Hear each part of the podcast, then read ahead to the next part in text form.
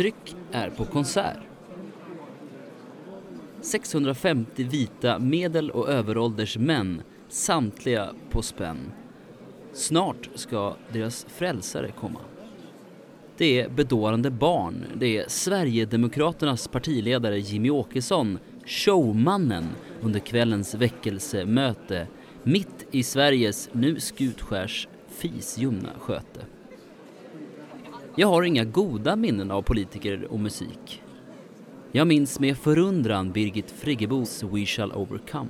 Då, nu tycker jag att vi gemensamt i denna sal sjunger We shall overcome. Jo, det ska vi göra. Därför att det gagnar... Och så Göran Perssons eh, förkärlek för psalmer sjungades Han har öppnat pärleporten i kanal 5 med Filip och Fredrik.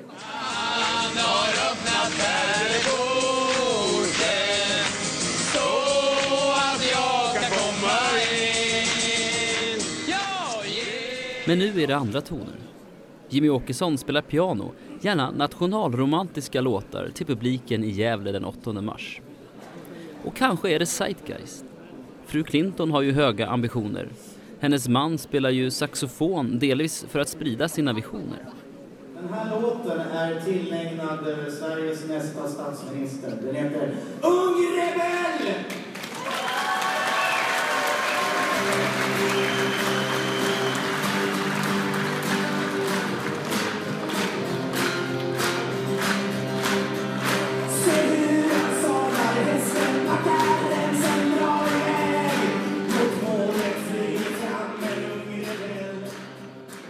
Bild av att nu är allting frid och fröjd. Nu har de alla partierna liksom genomfört SDs politik. Så det är inte sant.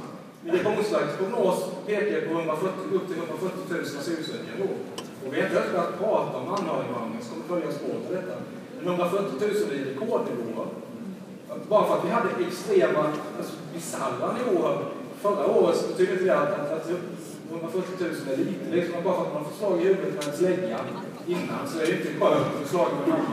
kommer värre dåliga villkor.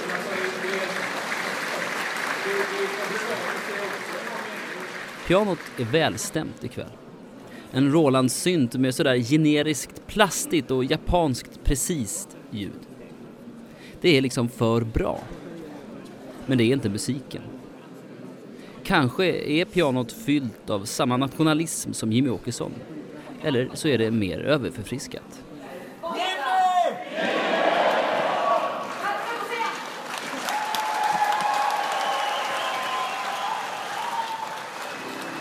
Sverige